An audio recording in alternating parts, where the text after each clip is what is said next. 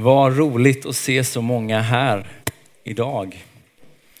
Det regnade ju igår så jag tänkte om solen skiner idag då kanske det inte kommer någon till kyrkan. Men ni är här ändå, vad roligt. David Norberg heter jag och jobbar som pastor i den här kyrkan. Idag ska jag predika om eh, en berättelse i Nya Testamentet där Jesus möter Sakaios. Jag tror vi kan sänka min eh, mick lite bara. Sakaios, han eh, klättrar ju upp i ett träd. Och jag har eh, starka minnen till den här bibeltexten. Jag hade nämligen ett stort intresse som barn att eh, klättra i träd.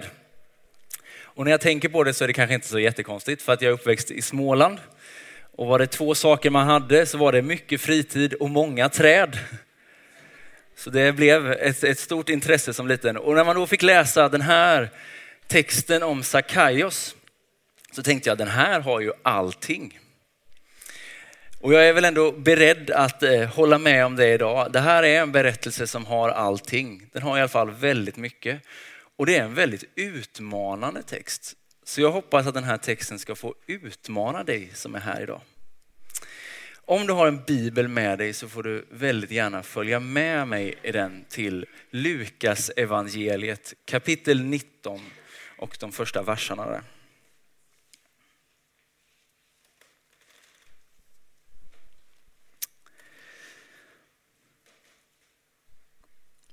Han kom in i Jeriko och gick genom staden.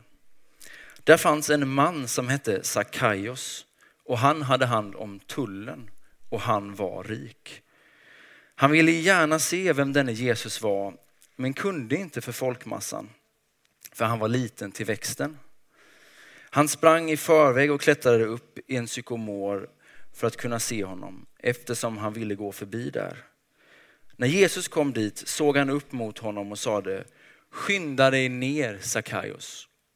Idag ska jag gästa ditt hem. Sakaios skyndade sig ner och tog emot honom med glädje. Alla som såg det mumlade förargat, han har tagit in hos en syndare. Men Sakaios ställde sig upp och sade till Herren, hälften av vad jag äger Herre ska jag ge åt de fattiga. Och om jag har pressat ut pengar av någon ska jag betala igen det fyrdubbelt. Jesus sade till honom, idag har räddningen nått detta hus. Han är också en son till Abraham. Och människosonen har kommit för att söka det som var förlorat och rädda det. Det är ju några saker vi får reda om eh, om Sakaios i den här texten. Det står att han var liten till växten. Det är en anledning till att han klättrar upp i det här trädet i psykomoren. Det står också att han har hand om tullen. Tittar man i grundtexten så, så brukar man översätta det här ordet till chefstullindrivare. Det fanns vid den här tiden tullindrivare. Det var ju judar som hade allierat sig med den romerska makten och tog tull av folket på allt som handlades. De var ju kända för att de skodde sig själva och tog lite extra i fickan och de var inte speciellt omtyckta. Sen fanns det en del entreprenörer kan man väl kalla det runt de här tullindrivarna som hade tullindrivare under sig. Sakaios är en sån här tullindrivare. Inte nog med att han är tullindrivare, han är också bra på det. Han har tullindrivare under sig. Och sen står det att han är rik. Och det här med pengar är ju ett genomgående tema i Lukas evangeliet. Om vi hade läst kapitlet tidigare så hade vi läst om en ung man som var mycket rik och som mötte Jesus, men som går därifrån bedrövad. Och då säger Jesus ett bibelord som ja, men brukar vara lite svårsmält. Ehm, han säger detta att det är svårare för en rik man att komma in i Guds rike än för en kamel att komma in genom ett nålsöga. Den här berättelsen om Sakaios, den är lite en, en spegelbild av den här första berättelsen om den rika unga mannen som träffar Jesus men går därifrån bedrövad. Sackaios han är också rik.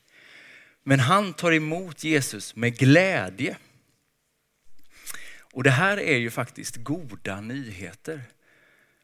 För här har vi en kamel som kommer igenom nålsögat. Det är goda nyheter.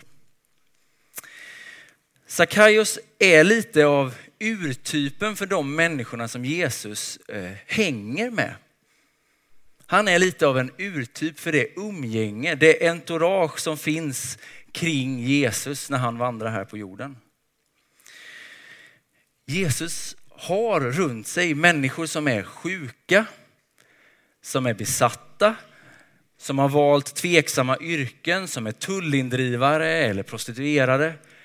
Han har de människorna som andra inte vill ta i med tång runt sig. Han har de som andra människor ser som förrädare och som den religiösa eliten skulle kalla för syndare. Så här står det i Matteus kapitel 11 och vers 27. Nej, förlåt. Matteus, vers, Matteus evangeliet vers 11, eller kapitel 11 och vers 19. Och det här är då ett rykte som går om Jesus. Människosonen kom och han äter och dricker och då säger man, se vilken frossare och drinkare. En vän till tullindrivare och syndare. En sak stämmer ju i det här ryktet. Jesus är en vän till syndaren. Han är en vän till syndaren. Låt den sjunka in en liten stund. Han är en vän till syndaren. Det här är ju oerhört goda nyheter. För om Jesus är en vän till syndaren, då kan han också vara en vän till dig och mig. Han är en vän till de människorna som inte alltid får ihop det. Som kanske inte har hittat sin plats i samhället. Till dem är Jesus en vän. Och min erfarenhet är det är den bästa vännen man kan få. Man är aldrig ensam. Det finns alltid någon som lyssnar. Det är någonting speciellt med Jesus. Jag har en, en vän som heter Gustav som jobbade i, i Philadelphia kyrkan i stan tidigare. Han berättade alltid en skön berättelse. Eh, så jag tänkte att jag ska sno den och berätta den här. Den är från hans hembygd. Eh, jag tror att den skedde för ganska länge sedan. Ni kommer förstå varför. Men det handlar om hur den lilla församlingen på en ö får ta emot bygdens buse. Ni vet den här vilden, han som alltid ställer till med fylla och förstörelse. Han kom till tro eh, i den lilla församlingen och blir en nära vän till pastorn. Det uppstår något slags eh, mentorskap där, där de två går tillsammans. Han får hänga med på möten och middagar ehm, och lärjungatränas jämte pastorn. När liksom pastorsfamiljen ska ut och äta middag, men då följer den här killen med. Och med tiden så får han allt fler uppgifter i församlingen. Och folk i församlingen är ju glada av att han är där. Och då så händer det för detta följande. Efter en ett, ett kväll, efter en gudstjänst i kyrkan, en kvällsgudstjänst, så upptäcker man att kollekten är borta. Och efter en stund så går ryktet, det är pastorns buse som har tagit pengarna. Och han är inte kvar, utan han har dragit en riktig hel kväll på stan och supit upp hela kollekten. Dagen efter så kommer den här mannen med båten tillbaka till ön. Bakfull och fundersam över vad han har gjort. Och så tittar han på hamnen och där står ju pastorn. och han drabbas ju av en fruktansvärd ånger. Vad är det han har gjort egentligen? Så, så fort båten lägger an så rusar den här killen förbi pastorn och han tar sikte emot sågverket. För han tänker att jag kan inte leva med detta att jag har supit upp kollekten. Jag ska slänga mig mot klingan, tänker han. Som tur är är ju pastorn snabb. Så han tar upp jakten på den här killen. Till slut så får han tag i en arm och brottar ner han på marken. Och när han fått övertaget så ropar han högt. Gud älskar dig, ditt fä. Jag tycker det är en helt fantastisk berättelse. Bara den synen, en pastor som jagar en av sina nya medlemmar och brottar ner den på marken. Gud älskar dig, ditt fä. Och när jag hörde den här berättelsen och när jag tänker på vår gemenskap så drömmer jag ju faktiskt om att vår gemenskap ska rymma fler människor som har det lite tilltufsat, som kanske inte har det här fläckfria bagaget med sig. Som är lite tilltufsad av livet. Och när vi möter människor, ja men då ska vi visa på Guds kärlek. Och när det skiter sig, ja men då ska vi göra som den här pastorn. Då ska vi hålla i. För det kommer att behövas. Jesu umgänge utmanar mig och jag tänker den utmanar oss så mycket. Han var en vän till synd, syndare. Ja, men det ska vi också vara. Det var det första jag tänkte säga om det som utmanar mig i den här texten. Sen finns det en till grej som utmanar mig väldigt mycket och det är att Sackaios, eller vad säger jag, Jesus faktiskt hade tid att stanna till och gå hem till Sackaios.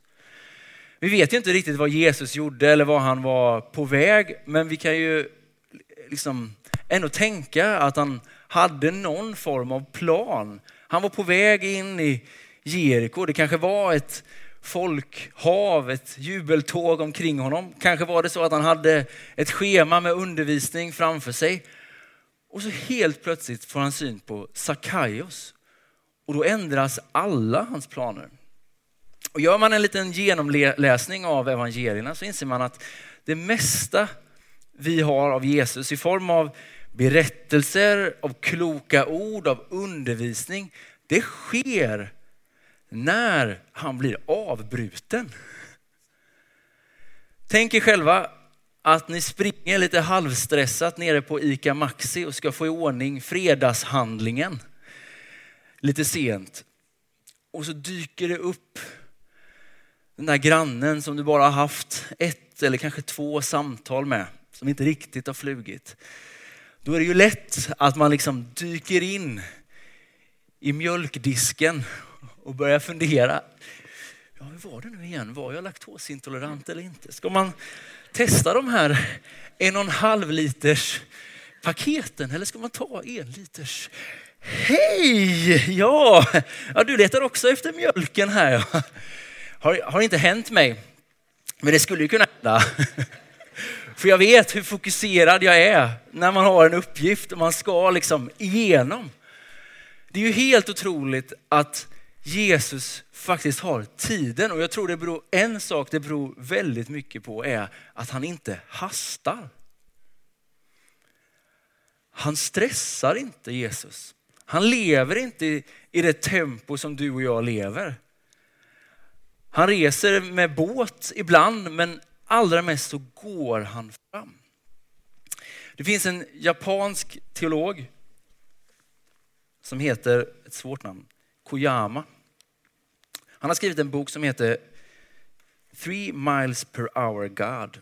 Och i den så skriver han så här, och jag, det är jag som har gjort översättningen här. Kärleken har en hastighet.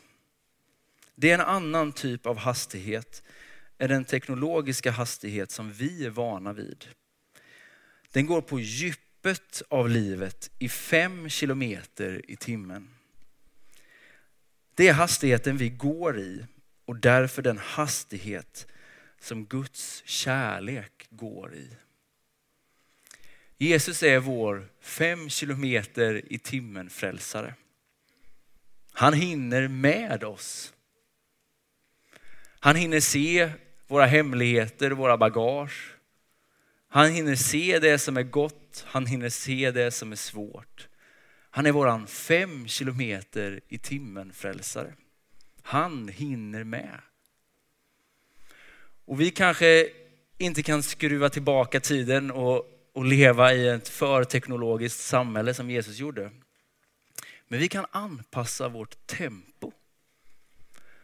Och kanske är det precis det vi behöver göra för att se Guds verk i den här världen. Vi kanske behöver sänka tempot lite för att hinna se de där grannarna. Och hinna bjuda den där familjen på en middag. Eller hinna lyssna på en vän. Det kanske krävs att vi behöver sänka våra tempo. Jesus är vår fem kilometer i timmen frälsare. Han hade tid för Sackaios och han har också tid för dig och mig. Det är väldigt utmanande. När Sackaios möter Jesus, eller rättare sagt när Jesus tar initiativet, så är Sackaios gensvar uppriktig glädje. Och jag tänker att den här glädjen som han får av att Jesus bjuder hem sig själv till honom, det var ju en väldigt hedersfull gest. Den förstärks också i det löfte som Sackaios ger. Hälften av allt jag äger ska jag ge till de fattiga. Om jag har gjort någon något fel så ska jag betala tillbaka fyrdubbelt. Sackaios han hör och sen agerar han. Det är egentligen det som skiljer honom från den här andra unga mannen som är mycket rik. För han lämnar Jesus bedrövad. Men Sackaios han hör och han agerar. Och i det där tror jag det finns en väldigt stor glädje. Lyssna på det här bibelordet. Det är ifrån Lukas evangeliet också, det elfte kapitlet. Än en gång så blir Jesus lite avbruten. Så står det så här från 27 versen. När han sade detta hördes en kvinna i mängden ropa. Saligt det moderliv som har burit dig och saligt de bröst som du har diat. Men han svarade, säg hellre, saliga de som hör Guds ord och tar vara på det. Jesus är i folkmassan och så är det en kvinna som ropar, finns det någon större glädje än att vara din mamma? Att vara Maria? Och då svarar Jesus, ja men det finns en större, säg istället så här, det finns en större glädje. Det är att höra mitt ord, att höra Guds ord och agera. Vi lever ju i en kultur där det här ordet inte riktigt liksom lirar jättebra. Vi har svårt med auktoriteter och lyda är liksom inte ett jättepoppis ord. Men jag tänker att det finns en stor, stor glädje i att faktiskt lyda Jesus. Jag tänker att jag ska förklara det här. Jag ser att det inte riktigt flög det här. Jag ska förklara lite bättre.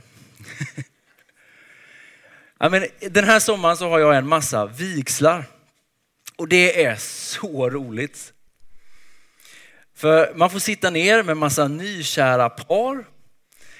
Eh, och man kan liksom se att det gnistrar emellan dem. När de får berätta lite om varandra, då är det ju blickar som liksom ges emellan varandra. Det är en viss energi. Men den stora liksom, glädjen i äktenskapet är ju inte bröllopsdagen. Hur fantastiskt den än må vara. Den stora glädjen är ju att få vara trogna varandra över tid.